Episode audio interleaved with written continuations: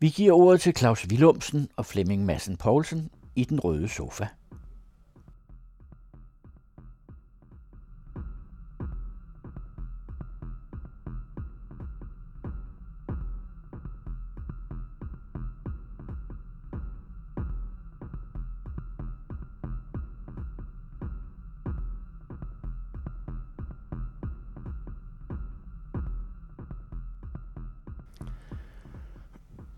Og så sidder vi og kigger på hinanden og siger, hvem skal sige noget først? Ja, men det kan jeg godt, Godt. gøre så. Den her video er en halvvejs kulmination på et øh, videoprojekt, som jeg har haft kørende i halvanden år, hvor jeg startede fra bo- bare bund. Jeg havde aldrig nogensinde arbejdet med video før, så gik jeg ud og investerede i et kamera, fordi jeg tænkte, det kunne være interessant at lave noget video. Så har jeg simpelthen arbejdet med det i halvandet år og øvet mig, om jeg så må sige, og blevet mere, hvis jeg selv skal sige det, bedre og bedre til øh, de her tekniske ting i forhold til, hvordan man laver en video også.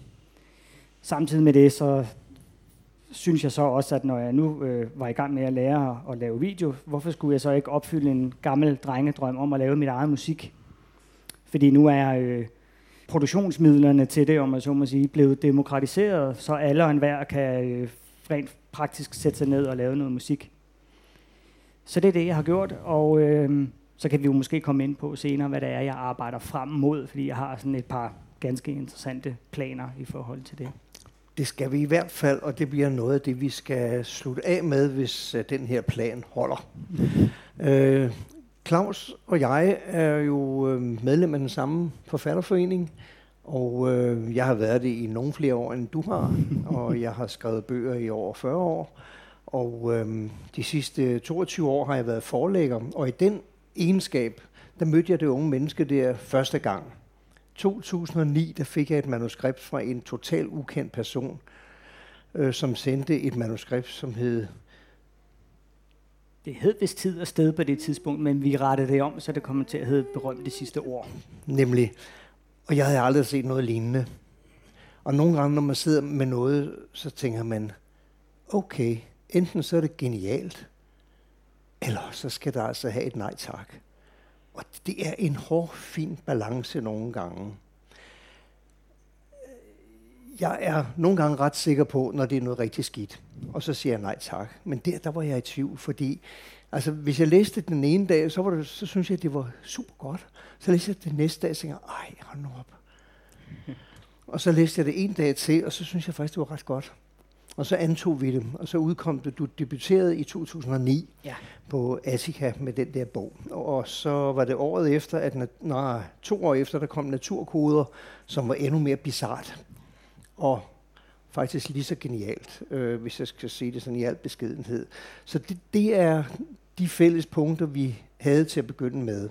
Og så er der gået et stykke tid. Du har været med i bestyrelsen på forlaget også en kort mm-hmm. overgang. Og så har vi ellers ikke haft meget med hinanden at gøre. Men så fik jeg jo fra foreningen det spørgsmål, om jeg ville lave et interview med min kollega her, og det er så det, vi skal til at gøre. Og Ja. da temaet hedder litterære afvielser, så tænkte jeg, okay, afvielser i min optik, det lyder lidt negativt. Altså har han diagnoser eller hvad? Altså hvor, hvor ved afviger han, eller det han laver? Så jeg synes, at det er forkert at bruge. Så, men jeg vil meget, meget hellere fokusere på det, som jeg forstår som det mest spændende, det er det personlige udtryk, som en forfatter kan have til forskel fra mange andre. Så kan man kalde det afvielse eller forskel eller hvad. Det er ligeglad. Men, men det personlige udtryk, Claus, det er det, jeg gerne vil ind til. Ja. Du har lavet tekster, du har lavet digte, noveller, romaner. Vi skal nok komme ind på det hele. Mm-hmm. Og du, nu har du lavet video, og du har lavet lyd, og du har lavet billede, og der er næsten ikke grænser for, hvad du ikke har lavet. Men hvor ved, hvis du skal tage overskriften, hvor ved, øh, vil du mene, at dit personlige udtryk er? Og du må gerne sige de sidste 10 år under et. Ja, det er nok... Altså, jeg er gammel punker, ikke? Og øhm, dengang i 80'erne, der skulle man... Øh, altså, hvis man var punker, så var det et spørgsmål om, at man gad ikke at have nogen kontrollerende instanser ind over, hvad det var, man gjorde. Altså, jeg, jeg gør ting, fordi at jeg har lyst til at gøre dem, og jeg gør det uden, at der er nogen, der sådan skal kontrollere, hvad det er, jeg laver. Det er jo så sagt med forbehold, fordi det er jo en, i bogbranchen, så hvis man skal udkomme på et forlag, så er der selvfølgelig nogen, der skal kontrollere, hvad det er, man gør. Men det, jeg forsøger at gøre øhm, i mit forfatterskab, det er simpelthen fortælle en god historie, Øhm, og det kan man gøre på forskellige måder. Det kan man gøre ved hjælp af mange ord, som i belejringsdage, eller med lidt færre ord, som i naturkoder eller konfigurationer. Og det vil jeg gerne gøre øhm, på en måde, så jeg personligt synes, at det udtryk, der kommer ud af det, er noget, jeg kan stå inden for. Og hvor jeg kan sige, det her, det har jeg lavet ja vel ja, jeg har fået hjælp til at øh, og det kommer ud, og udtrykket bliver måske mere klart og sådan noget, men grundarbejdet har jeg lavet. Og mit, hvad skal man sige, øh, grundlag for at være forfatter og øh, øh, lyddesigner og, og videomager, det er, gør de ting, som er interessante, gør det så godt, så andre også synes, at det kan være bare en lille bitte smule interessant, til at de godt gider bruge noget tid på det. Og så gør det øh, med den, der hedder, at ja, vælger succes er godt, men det er ikke det, det handler om som udgangspunkt. Så man kan sige, hvis man skal sætte en eller anden under, så er det, fortæl en god historie, gør det i hvilket som helst medie, øh, øh, man har lyst til, og så, øh, så må vi se, hvor langt man kan bringe det. Det er nok den måde, sådan, jeg arbejder på. Men det er der jo rigtig mange, der gerne vil. Det tror jeg, at alle, som producerer ord, eller tekster, eller billeder, eller lyd, vil gerne gøre det på den måde. Mm-hmm. Det du har gjort, eller det du har valgt, det er, at du har ikke haft det traditionelle, øh, hvad skal vi sige, setup ind over med redaktion og billedredaktion og layout-afdeling og PR-afdeling bagefter og sådan noget. Så du har, du har ikke haft, hvad skal vi sige, det traditionelle forløb. Nej. Men du har valgt nogle andre veje, ja. som er for eksempel, for at komme ud med dit, øh, med dit udtryk, jeg sagde ikke budskab, men udtryk, mm-hmm. Og de veje, det er jo lidt, lidt mere utraditionelt. Jeg husker, vi talte om det på nogle Attica-møder en gang imellem, mm-hmm. hvor du var meget skrab over for mig, og fordi jeg, jeg, var, jeg var ikke så god til det der med Facebook og sådan noget der. så, men der skal jeg love, for der fik vi godt nok besked. Um, jeg, helt lavpraktisk vil jeg gerne høre, hvordan du ligesom kommer ud med det der. Ja. Fordi hvis du bare laver sådan en bog, så er der jo ikke nogen, der ved det. Nej. Og øh, altså med, med berømte sidste ord og naturkoder, som kom på Asika, der, der gjorde vi jo det traditionelle. Vi har ikke nogen stor PR-afdeling, det havde vi ikke, men jeg brugte de der almindelige øh, veje til øh, markedet, biblioteker og boghandlere, og øh, det var sikkert ikke nok. Synes jeg, du sagde. Ja, men, men, men det du selv gør? Ja, altså det jeg selv gør, det gør jeg af flere grunde. Den ene grund er, at i bund og grund, så kan man så sige, altså man kan sige, selvom jeg er gammel punker, og jeg er anarkist og alt muligt andet, så er jeg også kontrolfreak oveni. Det er en uhyre dårlig kombination øh, på nogle områder, men lige netop i forbindelse med at udgive bøger og sådan noget også, så synes jeg faktisk, at det er rigtig godt at være kontrolfreak. Og det øh, kommer simpelthen til udtryk i, at jeg sætter mig ned og skriver bogen, og så får jeg den trygt, og så laver jeg selv alt det her PR-arbejde. Det gør jeg med, med at helt lavpraktisk og næsten at kolportere, øh, som man gjorde i gamle dage. Det, altså, jeg går godt nok ikke ud og ringer på folks døre, men lige så snart, at jeg sidder og snakker med nogle mennesker, så fortæller jeg dem om, hvad det er, jeg foretager mig, hvad jeg laver. Og vil du forresten ikke lige købe den her bog? Altså, det er sådan meget lavpraktisk. Øh, og så bruger jeg de sociale medier så meget, som jeg nu kan og gider også, fordi det er et meget, meget stort stykke arbejde, man skal ligge i sådan nogle ting. Og, og alt efter temperament, så øh, kan det være vildt kedeligt og frustrerende, eller også så kan det faktisk godt være sjovt. Jeg forsøger at gøre det sure arbejde lidt sjovere, og det gør jeg ved blandt andet at inddrage video og lyd og sådan noget også i. Man kan sige, øh, med min nyeste roman Indgang, som kom i 17, der lavede jeg simpelthen sådan en promoveringsvideo, og der fik jeg at vide, at øh, hvem har lavet den video? Jamen, det har jeg selv. Den ser meget professionel ud, fik jeg så at vide. Okay, tak for det. Det tror jeg, jeg skal prøve at arbejde lidt videre med. Så man kan sige, at langt hen ad vejen, så er, er billed- og lyddelen noget, der er kommet til, fordi at det er noget, jeg kan bruge i promoveringsarbejde, i det der lange seje træk, efter at bogen er blevet skrevet, og den er udkommet. Øhm, men man kan så også sige, at det er det eneste, jeg har, øh, fordi jeg har ikke noget distributionsnet ud over det. Det er mig selv, der skal ud og fortælle, hvad det er, øh, det her det handler om, hvad er det for nogle bøger, der kommer, hvad er det, der gør, at I skal købe dem. Så man kan sige, at selve det at skrive bogen og få den udgivet, det er noget af det. Og resten, det handler om, at jeg skal have det sjovt, mens jeg forsøger at sælge den her bog her. Og, og det gør jeg så ved at, at lave video og, og lyd også. Ja. Men du gør også noget andet, fordi hvis man øh, har fulgt dig på Facebook, jeg er jo sådan en meget passiv ven til dig på Facebook, og kan se, hvad den unge mand går og laver. Og øh, der har jeg indtryk af, at du meget bevidst og meget positivt udnytter de arrangementer, du ligesom får ravet til dig, mm-hmm. stiller dig op, og du læser op. Det at læse op, det har jo været kendt siden den græske oldtid, eller det og det. endnu længere tilbage. Ja. Men hvordan er en typisk oplæsning for dig? Det kommer lidt an på situationen. Hvis det er lyrik, hvis det er digte, for eksempel, jeg læser op ja, lad, fra... lad, lad os tage lyrikken. Ja, altså, når man skal læse op til et lyrikarrangement, så kommer man jo at læse sin digte op. Bum. Og det kan man så gøre mere eller mindre godt. Altså jeg har fået videre, at jeg rent faktisk gør det rigtig godt. Så kan man sige, at øh, jamen, så er det det. Men jeg er blevet mere interesseret i også, hvordan kan man hægte det sammen med lyd og billeder også. Så det jeg prøver på, når jeg får et arrangement krasset op under neglene, om så, må sige, så forhører jeg mig om, kan man lave et eller andet med noget billede og noget lyd? Er der mulighed for det? Og der var jeg til et oplæsningsarrangement her for øh, et par måneder siden, hvor jeg simpelthen øh, blev inviteret til det her.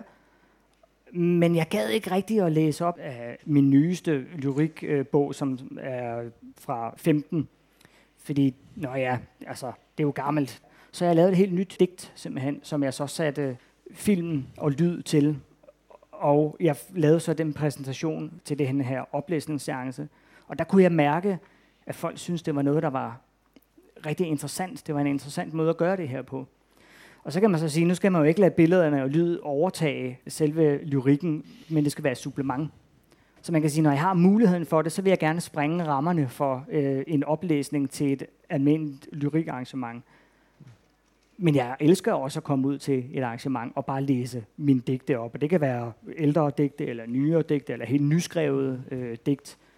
Det er rigtig rart også. Klart nok, men forhåbentlig sælger du også et par eksemplarer, sådan helt øh, Ja, det gør jeg da en, en, en gang imellem. Ja. Ikke? Altså, det, gør det, jeg. det, jeg sidder og tænker på, det er, hvis vi tager naturkoder, mm-hmm. den kan jeg huske, den var det var specielt, fordi du havde nogle faste krav til, hvordan digtet skulle stå på siden. Ja. Om den første linje skulle stå der, og den næste der, og den næste der, og så videre. Mm-hmm. Så der var et uh, selvstændigt layout på næsten hver side. Ja. Og det var ikke noget med, at man bare skulle sætte det op med fast højrekant, eller, eller løs bagkant, eller sådan noget.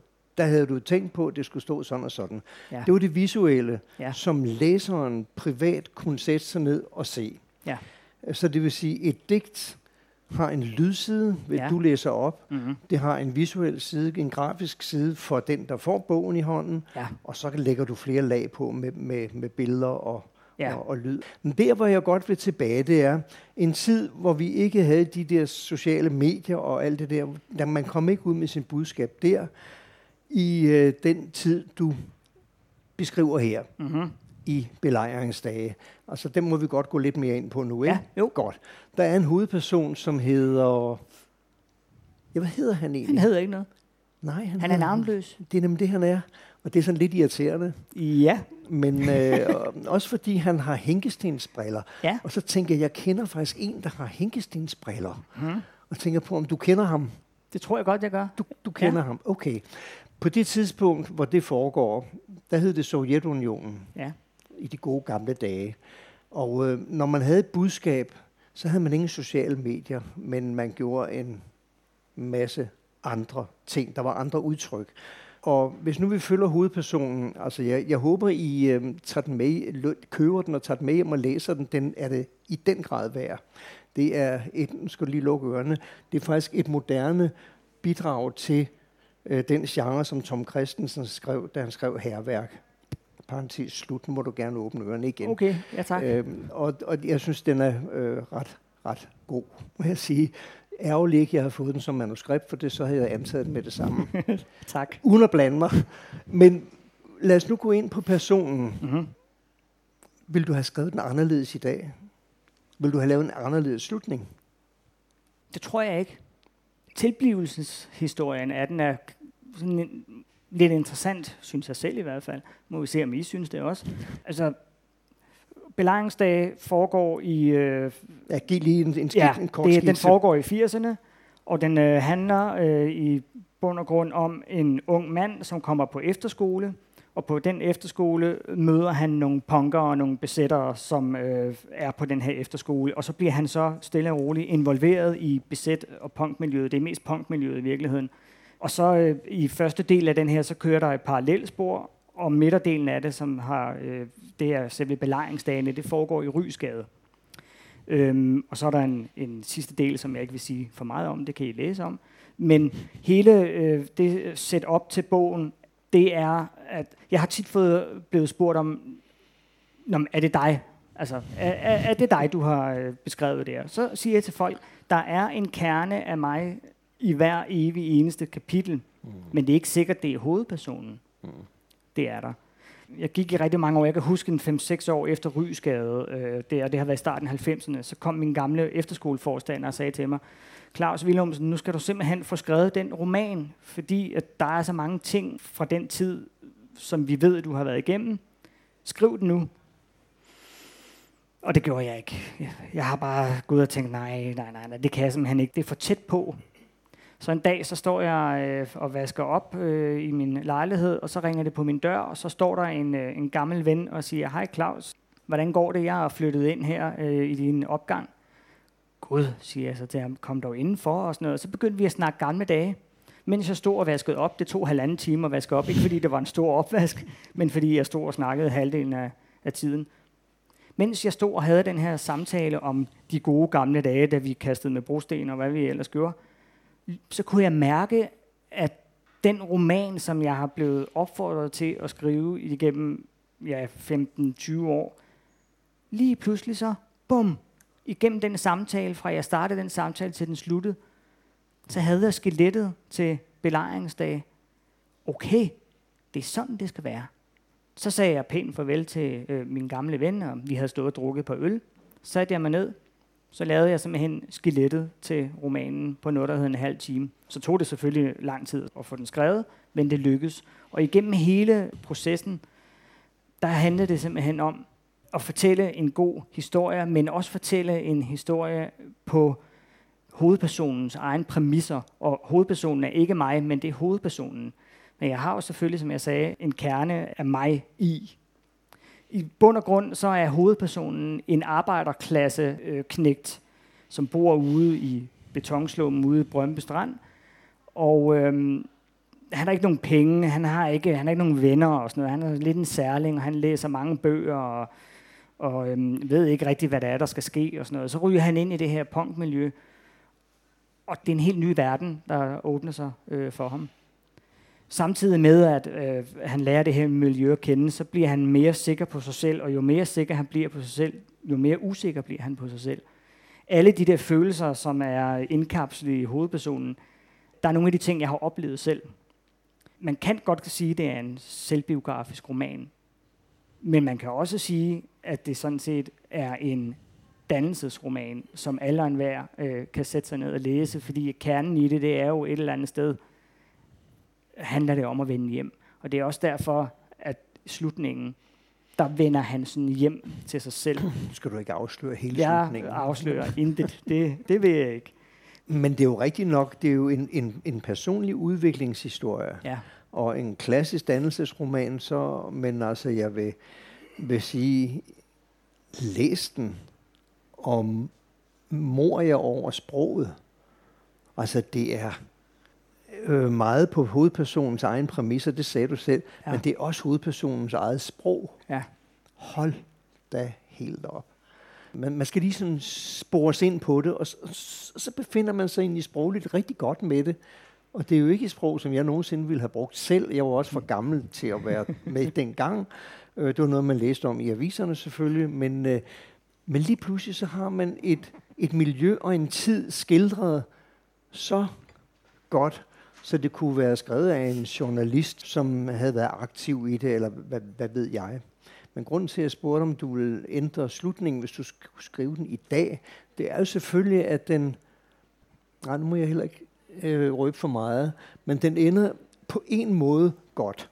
Ja. Det, så meget kan vi godt sige. Ja. Ikke? Jo. Men man kunne også lade den ende i den helt store katastrofe. Ja, og det overvejer jeg. det, det var et andet spor, mm. og, og det er der også andre forfattere før dig, der har haft gjort. Ja. Så havde det virkelig været herværk. Jeg overvejede at tage livet af, af, af hovedpersonen, men så tænkte jeg netop, der ville gå for meget herværk i den. Ja, Og okay. egentlig så kunne jeg meget godt lide, at den slutning, som der er i. Ikke? Ja, men det der med at Øhm. tage livet af, af personer, det gør du jo ret voldsomt i øh, science fiction. ja, det må man sige. Og Ja. måske lidt atypisk, at du vælger en titel på en bog, som er en genrebetegnelse. Mhm. Ja. Hvorfor, hvorfor det? Hvis man må spørge. Ja, jamen, det må man godt. For det første, så sad jeg og, og tænkte, hvad i alverden skal jeg kalde den her roman for? Jeg havde overvejet at lave sådan en, øhm, en, en titel, som øh, lagde sig lidt op af øh, Catch-22. Mm. Hvad du også selv nævner i den. Ja. Eller lad en af personerne sige, ja. Ja, ja. men jeg tænkte, at det ville være lidt forsøgt. Og så var det sådan, "Nå, men okay. For mig var det en, en øvelse i at forsøge at skrive i en genre. Mm. Og hovedpersonerne nævner jo også på et tidspunkt selv, at det er ligesom at være med i en science fiction bog. Det siger de jo. Jeg tænkte, den skal da bare hedde science fiction. Det er da klart. Altså, øhm, det er måske ikke så klart, men hvis man læser den, så vil man vide, hvorfor den hedder science fiction også. Og der er øh, nogle aflivninger, der er rimelig voldelige. Det, det må man sige. Nej, det må man ja. sige, ja. Ja. Men på den pæne måde, synes jeg. Jo, jo, jo. Det var en fornøjelse at sidde og skrive den. Jeg skrev den færdig i et sommerhus. Mutters alene på Langeland. Og slå folk ihjel, simpelthen. Ja, simpelthen. Og så er der sådan nogle, øh, nogle aliens med, hvor jeg, sådan, mens jeg sad og skrev det, faktisk fik en lille smule paranoia, øh, fordi jeg sad helt alene i det her sommerhus, og vinden den blæste derude, og det var bælragende mørkt, og så skulle jeg jo ud og ryge en cigaret og sådan på et tidspunkt, men jeg havde altså lidt, åh, ja, hvad nu hvis de her, de er herude, jeg har en utrolig livlig fantasi, og åbenbart var- er den så livlig, at det jeg sidder og skriver, det bliver jeg selv bange for, og det var meget sjovt. Om ikke andet, så har jeg i hvert fald haft det sjovt ved at sidde og skrive den. Nå, men det kan man godt fornemme, hvis man læser den. Den bliver jo øvrigt også anbefalet, at man læser. Den er, den er hurtigt læst, vil jeg sige. Det er den. Den ja. har jo ikke... Der er mange blanke sider i også. Ja, det er der jo. Så, Ja. så, så det er fint nok. øhm, du skriver på den der fantasi, og den der... Øhm, du skaber jo et univers, og det, er jo, det gør du også i belejringsdage. Mm-hmm. Og hvis jeg lige må lave en parentes, så vil jeg sige, Ja. prøv, lige, prøv lige at lægge mærke til, til det grafiske udtryk, som omslaget har. Det er faktisk ret godt. Altså det, teksten, farverne, bogstavernes størrelse, placering, alt det der, det er det, som man går tre år på fagskole for at lære. Ja, Det er faktisk, Tak. det er faktisk ret godt. Så det er jeg glad for at høre af en prof. når nu du skriver sådan nogle fantastiske øh, og spøjse ting, så har du jo også skrevet den der med at glemme. Ja, Den vil jeg gerne høre lidt om. ja. Både hvorfor, du, hvorfor den er kommet på papir, og Ja. ja. hvorfor du har skrevet den, og bare Mhm. lidt om den. Ja, det er jo øh, indgange, som øh, i bund og grund er en roman om demens, ja. men det var det ikke til at starte med. Forhistorien, jeg laver den kort, det er, at jeg er plejebarn, og på et tidspunkt i, øh, i slutningen af 80'erne bliver jeg stoppet af en politibetjent inde øh, på øh, Halmtorvet, som spørger mig, hvorfor jeg øh, kommer du ud af den der bygning derovre. Har du været over at købe noget narko, eller hvad? Jeg lignede åbenbart en eller anden, der vil købe noget narko. Nej, nej, siger så, det, det er jeg ikke. Nå, men lad mig lige få dit CPR-nummer, så giver jeg ham så mit CPR-nummer, og så siger han til mig, ah, ja, okay, nå, men jeg kan se, at vi har fat i din søster øh, op fra Oslo af. Min søster fra Oslo, siger jeg så til ham. Det lyder lidt sjovt, siger jeg så, fordi det er min søster, jeg lige har været over at besøge, og min anden søster bor i Ballerup. Så den søster, du taler om, det må være min biologiske søster. Så blev han lige bleg, den her betjent. Nej, men det er lige meget, det er ikke noget. Jeg har, jeg har øh, øh, farvel igen. Og så gik han, og så stod jeg der og tænkte, hold da op. Okay, Godt. Jeg vidste, at jeg havde nogle søstre, men nu fik jeg det bekræftet. Så gik jeg tilbage til min plejemor og sagde til hende, prøv lige at høre en gang sådan og sådan. Og så sagde hun, det skal du bare øh, ignorere. Øh, og så gik hun hen og snakkede med politiet og gav ham der politimanden en, et møganfald. Det var i 89, så i 2012 så får jeg et brev ind i postkassen fra øh, Telemark Aust øh, ret, øh, tingretten øh, oppe i Norge. Og jeg vidste lige med det samme, at det var et testamente. Jeg vidste bare simpelthen. Og jeg åbner så det her post, og så er det faktisk et testamente fra min biologiske søster, som bor oppe i Norge. Jeg kan se på det her testamente, der er et eller andet galt med hende. Hun er syg. Hun er meget alvorlig syg. Men hvad er det? Så jeg går ind og undersøger der, hvor hun var øh, indlagt de sidste par dage, og det viser sig så, at det er et plejecenter for døende mennesker blandt andet, og der er en demensafdeling i den her også, på det her sted her. Og så der, der fik jeg så en idé til at skrive en roman om demens. Jeg har så fundet ud af senere, at det så ikke var demens, hun døde af, men det var Parkinsons øh, som nogle 50 år. Så den har været pænt aggressiv. Men ikke desto mindre, så gik jeg i gang med at skrive den her roman, som handler om en kvinde, som lider af en eller anden sygdom, der gør noget ved hendes hukommelse, noget ved hendes måde at tænke på. Den er meget, jeg kalder det for en lyrisk roman. Mm. Altså tider og steder og øh, oplevelser, stemninger, farver, lugte, alt bliver blandet sammen, fordi hendes verden, den falder sammen, fordi hendes hukommelse, den øh, spiller hende et push jo. Altså, det gør det jo, når man lider af demens, så der er simpelthen nogle, nogle centre i hjernen, der øh, stopper med at fungere. Så en erindring er ikke bare en erindring, men det kan faktisk være noget, man lever i nu. Selvom det er en erindring, man kan ikke skelne mellem erindring og nutid. Og der har jeg så skrevet den roman, som øh, er en meget lyrisk roman, men som forsøger at beskrive, hvordan en dement person oplever verden. Det er mit forsøg på at skrive en roman, men skrive en, en poetisk eller en lyrisk mm. roman, simpelthen. Ja. har du fået nogle reaktioner på den? Ja, det har jeg. Jeg har fået øh, et par læserreaktioner. Jeg fik et brev af en, en dame, som havde læst den, og hun skrev noget i stil med, at tusind tak for, øh, for din bog nu har jeg lært, hvordan min mor havde det, da hun døde øh, for 20 år siden, af senilitet, som det jo næsten hed dengang. Mm, eller, øh, mm. Altså, jeg vil ønske, at jeg havde haft den bog dengang, sagde hun så, fordi den var meget bedre til at fortælle mig, hvad der var, der foregik inde i min mors øh, hjerne. Eller sådan. Altså, mm. Hun var meget øh, taknemmelig for den bog. Og jeg sad sådan og tænkte, jamen, det er jo lige meget med anmeldelser i aviser og alt muligt andet. Det her det er meget vigtigere at, at få Tænk engang at få sådan et brev fra en person, man ikke kender, hvor jeg så rent faktisk har, har hjulpet hende med at, at kapere sådan et kapitel i hendes liv. Det var helt, helt utroligt. Det er ret flot. Det er meget flot. Ja, det, er jo, det er jo altså. det, som kan være så, så positivt for en forfatter. Fordi altså, i den her branche, der, der er vores hvad skal vi sige, mission meget ensom. Ja. Altså vi, vi finder på noget, vi har et udtryk, om det er sprogligt eller visuelt, det er ligegyldigt.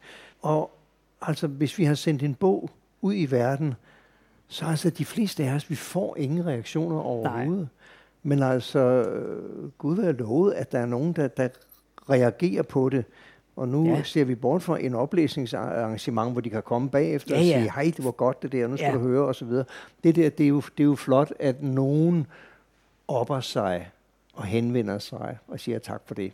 Ja, og så rent faktisk bruger tid. Altså hun har jo brugt tid til at sætte sig ned og skrive det her brev. Det er jo, det er jo helt fantastisk. Altså, så, og så bliver jeg som forfatter også sådan helt, wow, altså så lykkedes det jo, om jeg så må sige, øh, det, at man sidder i utrolig mange timer og river sig selv i håret over, hvordan man nu skal gøre det her, og hele, hele det der salgsapparat, der skal køres i gang, og er, som er dybt frustrerende en gang imellem. Men, men bare få det Altså, sådan et brev, det er jo fantastisk. Det var det hele værd. Det er alt værd. Ja. Det er det. Det vil jeg meget hellere have end en anmeldelse i dagblad. jeg, havde, øh, jeg var til Peter Øvis reception på øh, den besætbog, han har skrevet, ja. hvor jeg i al beskedenhed bidrager med nogle passager fra belejringsdag i. Mm. Der, for det første så er der nogle mennesker i bogen, som siger, at det her det er ramt lige på kornet. Altså, det er en fantastisk god beskrivelse, jeg, jeg har lavet af, af Rygeskade. Mm. Den er faktisk bedre end så mange andre. Og det er jeg jo glad for. Men til den her reception, så møder jeg så en kvinde, som også øh, var med i Rygeskade, og som jeg også sådan, øh, perifereret har haft noget med at gøre, som sagde, jeg har læst din roman flere gange, og, og hver gang jeg læser den, så føler jeg det som om, at jeg bliver et bedre menneske, eller jeg, og jeg bliver, øh, det er nemmere for mig at, øh, at leve med den fortid, jeg har haft. Og, og det var også en tak for det. Altså, jeg giver en øl, så jeg tænkte, det er jo fantastisk at få at vide, ikke? Ja, det Øhm. er jo til at blive lidt høj af. Øh, Det er det. I den der mærkelige branche, vi, vi er i. Øh, Claus, der er noget, som jeg har spekuleret på. Øh, nu er du jo bibliotekar af uddannelse, og Ja. har selvfølgelig alene i den sammenhæng øh, læst sikkert mere, end så mange af os andre har. Rent professionelt, så har du været nødt til det. Og øh, hvis man følger dig lidt på Facebook, så ved man også, at du stadigvæk læser en skrækkelig masse. Det gør jeg, ja. Jeg hæftede mig ved en af referencerne. Du var vist på vej i tog og havde fået fat i en Daniel Kehlmanns nyeste Ja, tyld. tyld. Ja. Ja, Øhm, fantastisk roman. ja, nu skal vi ikke gå i dybden med den specielle. Nej. Det, som jeg godt kunne tænke mig at høre, det, det er så den der berømte hovedstol, som vi var inde på med belejringsdage. Så du siger, at der er en lille smule her, og der er en lille smule der, og en lille smule mm-hmm. der. Klart nok. Mm. Altså, ellers kan man ikke skrive. Hvis Nej. ikke man selv er med, så kan man... Altså, så store digter er vi jo heller ikke, så vi kan digte det hele, Nej. uden selv at være med. Men alt det, du har læst, sådan, nu skal du virkelig spole til både frem og tilbage på en gang. Det gør jeg. Hvor øh, ser du nogle helt klare inspirationer? Og det er jo ikke noget med at skrive noget af efter nogen, men altså, hvor, hvor, hvor har du virkelig hentet guld og siger, det der, eller det der? Jeg er helt vild med Thomas Mann. Jeg, er, øh, jeg kan desværre ikke læse ham på tysk, men jeg har læst det meste på dansk. Det var en mand, der tog af hovedstolen. Og han tog ikke bare af hovedstolen. Han har simpelthen flået sofaen op og hævet indmaden ud og siddet og arbejdet med det. Det var helt vildt. Hvad han ikke har brugt sit eget liv til i sine bøger, det er, det er helt, helt, helt, helt fantastisk. Jeg ville aldrig nogensinde begynde at sammenligne mig selv med Thomas Mann litterært, men kun det eneste, jeg sammenligner mig med, det er grave ind i sofaen og hive ud. Den der med, at man ikke skal tage hovedstolen, den køber jeg simpelthen ikke. Jeg synes, at Det man må skal... man gerne. Ja, det må man. Absolut. Ja, og det, det for mig, øh, det skal man gøre. Og når, når jeg læser Thomas Mann for eksempel, så bliver jeg helt høj, og det bliver jeg både fordi han manden skriver fantastisk, men jeg kan også, øh, øh fordi jeg jo har bygget ovenpå, at jeg har læst en masse bøger om ham også og sådan noget, øh, jeg ved, hvad det er, der gør, at han skriver lige nøjagtigt den sætning i den bog, eller den novelle, eller den øh, artikel om et eller andet. Fordi at han bruger sig selv, han sætter sig selv fuldstændig øh, på spil her. Og det, det kan jeg rigtig godt lide. Øh, hvad jeg tager fra ham litterært, er noget af de mere øh, øh, ja, sanseligt bindestreg poetiske sætninger, han kan have. Det er en Thomas Mann specialitet med at sådan ironisk, sarkastisk med bindestreg og sådan noget. Det er ret øh, lækkert. Han har nogle utrolige, øh, fantastiske, lyriske sætninger. En anden, jeg rigtig er meget inspireret af, det er, øh, jeg har mange, men sådan en som Richard Ford øh, kan jeg også godt lide. At danske forfattere, der er det nok mere digter og lyrikere, jeg sådan er øh, inspireret af. Henrik Nordbrandt, øh, meget, ham kan jeg rigtig godt lide. Og også Søren Ulrik Thomsen. Og nu er vi jo faktisk tilbage igen i, mm. i 80'erne her. Ikke? Ja. Ja. Det er meget ja. interessant. Men det er jo sådan, de der, når man er de der 12, 14, 16 år, det er de normative år. Ikke? Hvad er det, man sur til sig der? Ja. Det er noget af det, man bærer med sig resten øh, af livet også. Ja, Øhm, det er det jo, for det, de, de ting, du skriver, det er jo noget, som du skaber, og som er dit. Det er jo ikke hverken Thomas Manns eller Henrik. Nordbrands eller nogen som helst Nej. andens. Jeg hørte engang, og det, nu er det heller ikke, fordi vi skal sammenligne, men jeg hørte engang Rifbjerg sige, Sali Rifbjerg sige, om at skrive, øh, det var så om, handle om operaelskeren og Anna jeg, Anna, mm. som har henholdsvis en mand og en kvinde som gennemgående hovedkarakter. mm. Der var der en, og jeg kan ikke huske, hvem det var, som spurgte ham, om, om, om ikke det var mærkeligt at skrive en, en så tung, gennemgribende roman med en kvinde som hovedperson. Og så sagde han, altså nu, jeg kan ikke citere det overret, men han sagde noget i retning af, at det var jo ligesom at være Gud. så skaber man det hele. Og ja. altså, jeg, jeg, jeg forstod godt det, han, ville, det, han sagde. Det var ikke for, fordi, han var, havde storhedsvandvid. Men det, han sagde, det var jo, at han kunne sætte betingelserne og rammerne for et værk ved ja. at skabe en kvindelig hovedperson. Og ligesom skabe hendes egenskaber og måder at være på, tale på osv. Og hvis man har set filmatiseringen af den, så vil man kunne se, at han har sikkert ramt rigtig godt. Ja. Øh, så det, jeg mener, det er at skabe sit eget univers. Du har gjort det flere steder, og måske øh, flottest i indgange, mm-hmm. synes jeg. Ikke fordi indgange er bedre end hovedværket. Undskyld, jeg siger det. Øh, men det er en anderledes stærk bog. Og den vil jeg så tak. også meget håbe, at man vil tage til sig og simpelthen øh, læse. Tilbage til begyndelsen, hvor vi så billeder, og vi så lyd. Og der var ikke nogen forklaring. Herligt. Ja. For det er jo den, man, man selv på en eller anden måde får. Enten kan man sige, at det der, det rager meget så langsomt, mm-hmm. eller også så kan man ligesom fornemme stemningen, man kan fornemme rytmen, man kan fornemme øh, kombinationen af det der. Og det er så der, jeg gerne vil, jeg vil ikke sige ende, men det er der, du er i dag, hvor du arbejder med det. Ja. Hvad laver du for tiden nu? Hvad, hvad, hvad kan vi forvente af dig de næste par år? Jamen altså, jeg kører jo sådan, og har altid gjort det i, i parallelspor. Så det vil sige, at lige nu er jeg inde i sådan et spor, der hedder gør mig bedre til at lave lyd og video. Mm. Det er den ene, og det bruger jeg så litterært, om jeg så må sige.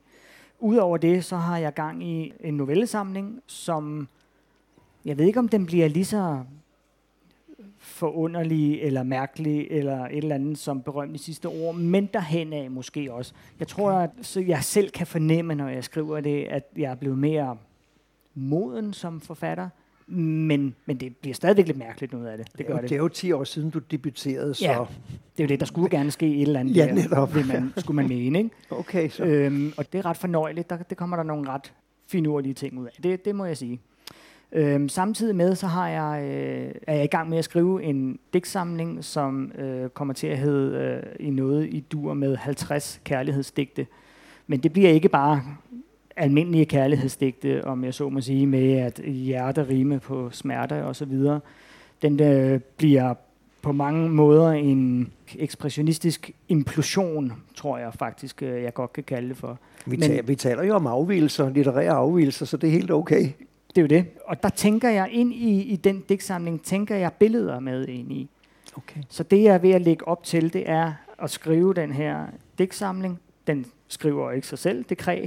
Men samtidig med, at jeg skriver på den, så er jeg i gang med at gøre mig selv bedre med video, fordi mm. at når den bog, den udkommer om 3-4-5 år, hvor lang tid det nu tager, så vil jeg simpelthen, jeg tror, jeg vil lave det til en reception, åbnings, eller en mm. udgivelsesreception, mm. så vil jeg tage og læse alle 50 digte op. De er ikke særlig lange, så det kommer ikke til, til at tage særlig lang tid.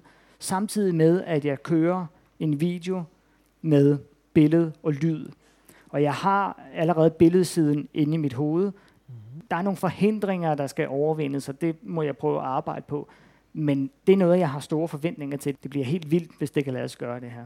Så arbejder jeg decideret med at lave noget musik, som gerne skulle munde ud i en eller anden form for en CD-agtig ting, eller hvad det nu bliver, noget Spotify-halløj også. Og det bliver lige så bizart som noget af det, jeg laver øh, ellers også. Og så må folk tage det til sig eller lade være. Og det er sådan set øh, det er fint det hele. Så, så der er nogle ting i støbeskeen, som jeg glæder mig rigtig meget til at, øh, at gå videre med. Jeg kan godt røbe, at hvis den der åbnings- øh, eller udgivelsesreception, den bliver til noget, så kan det komme til at involvere nogle store øh, heste lavet af metal. Men nu må vi se, hvordan det ledes. Det bliver sjovt. Okay. Det siger mig ikke så meget lige nu. Nej. Men øh, det skal det jo heller ikke. Nej, og det kan også godt være, at det ikke bliver til noget, men det er sådan nogle vilde planer, jeg arbejder med. Altså, i mine ører, så, så virker det som om, at du stadigvæk er tilbage ved, ved dine naturkoder. Fordi du arbejdede med koder. Ja. Og en kode, det kan være noget, man kan knække. Det kan også være noget, som er meget enkelt, hvis man har nøglen. Ja. Og så tror man lige pludselig, man har knækket den. Men så har man ikke alligevel, fordi så betyder det altså noget andet, når man kommer ned i det lag. Den kinesiske æske. Ja, altså, jeg mener, da jeg fik dit andet manuskript i 2011, eller var det i 10? Det var, det var Mhm. nok i 10, for jeg skrev bedømmelsen i 11. Naturkoder med de der grafiske, specielt og, og opsatte digte. Der sad jeg hele tiden og tænkte på, okay, nu har jeg forstået det. Men det havde jeg ikke. Fordi så, betød koden bare noget andet. Mm. Alt efter ligesom, hvilken tilgang øh, jeg tog til det, og hvornår jeg læste det, og Ja. hvor tit jeg læste. Så det der med at have koder, det kan også betyde en kæmpemæssig blufærdighed, Mm. at man ligesom gemmer sig bag nogle forklaringer, nogle koder, og så siger man, okay, hvornår kommer vi ind til Claus Willumsen? Mm. Jamen, det er jo ham, der laver koderne. Ah, okay så. Ja. Så det er ligesom det, jeg fornemmer, at du stadigvæk arbejder med. Selvom, ja. selvom du river og flår i den her sofa og alt det der, Ja, ja. så er der stadigvæk øh, noget, vi ikke ved. Altså, jeg elsker litteratur, hvor man får det hele forklaret i slutningen. Det kan jeg faktisk godt lide. Men jeg elsker lige så meget litteratur, hvor man ikke får det. Hvor man sidder bagefter og tænker, fed bog, hvad skete der lige der? Okay, så må jeg jo sådan arbejde lidt med, hvordan virker det på mig det her? Og sådan har jeg det også lidt selv med, når jeg skriver noget, at øh, det er fint nok at give det hele til slut, men jeg kan nu bedst lide at skrive, så folk selv skal tænke lidt videre, eller fantasere lidt videre. Og det er måske i virkeligheden der, hvor vi er nede i noget grundessens, at vi kan kalde det for naturkoder, eller en kinesisk æske, mm. eller et eller andet. Mm. Men selv holder jeg af at læse, som sagt, litteratur. Øh, Det gør ikke noget, at det forærer mig nogle ting, men jeg elsker selv at skrive noget, hvor man ikke får noget foræret. Man skal selv arbejde med det også. Jeg skal også selv arbejde med det selv, når jeg skriver, fordi jeg skriver jo til nogle mennesker, så derfor kan jeg ikke bare skrive i et eller andet hermetisk øh, lukket rum. Mm. Men vi er dernede, hvor det begynder at blive uhyre interessant her.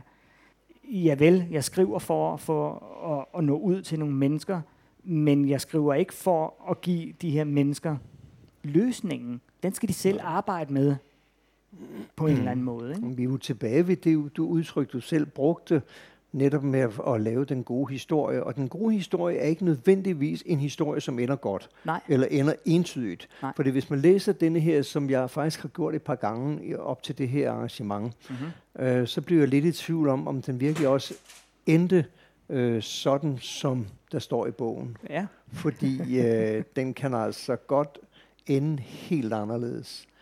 Der er potentiale i den hovedkarakter til, at det kan gå riv, rav, ruskende galt. Så kan jeg jo røbe, at øh, jeg har faktisk øh, begyndelsen til en fortsættelse liggende øh, på den, som godt kan gå hen og blive et vanvidsrigt øh, Oh. simpelthen. Men nu må vi se, hvor den bevæger sig hen af.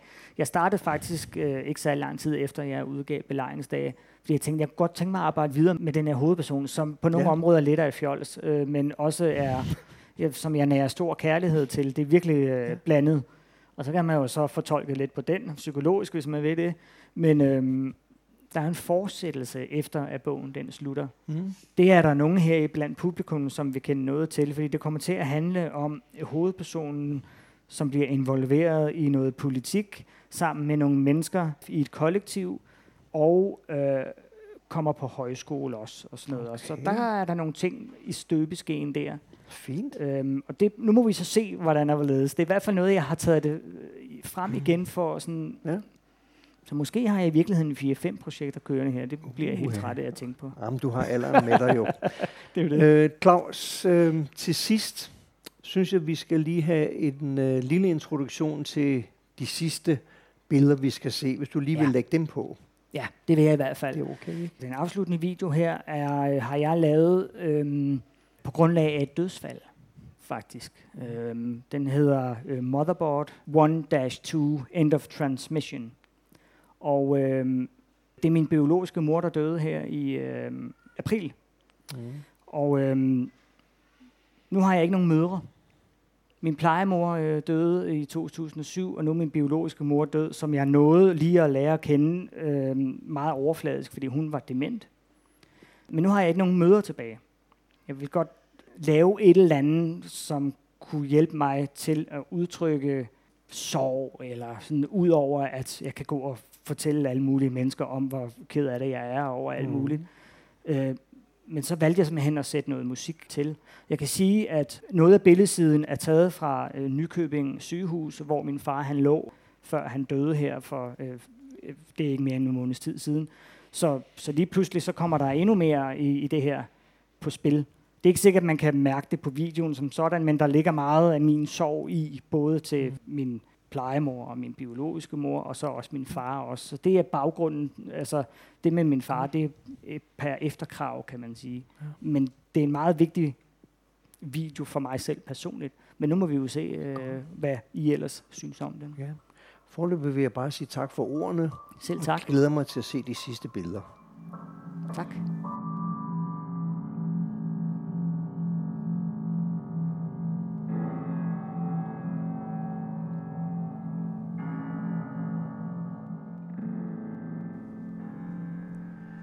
Det var Claus Willumsen og Flemming Madsen Poulsen fra dybet i den røde sofa.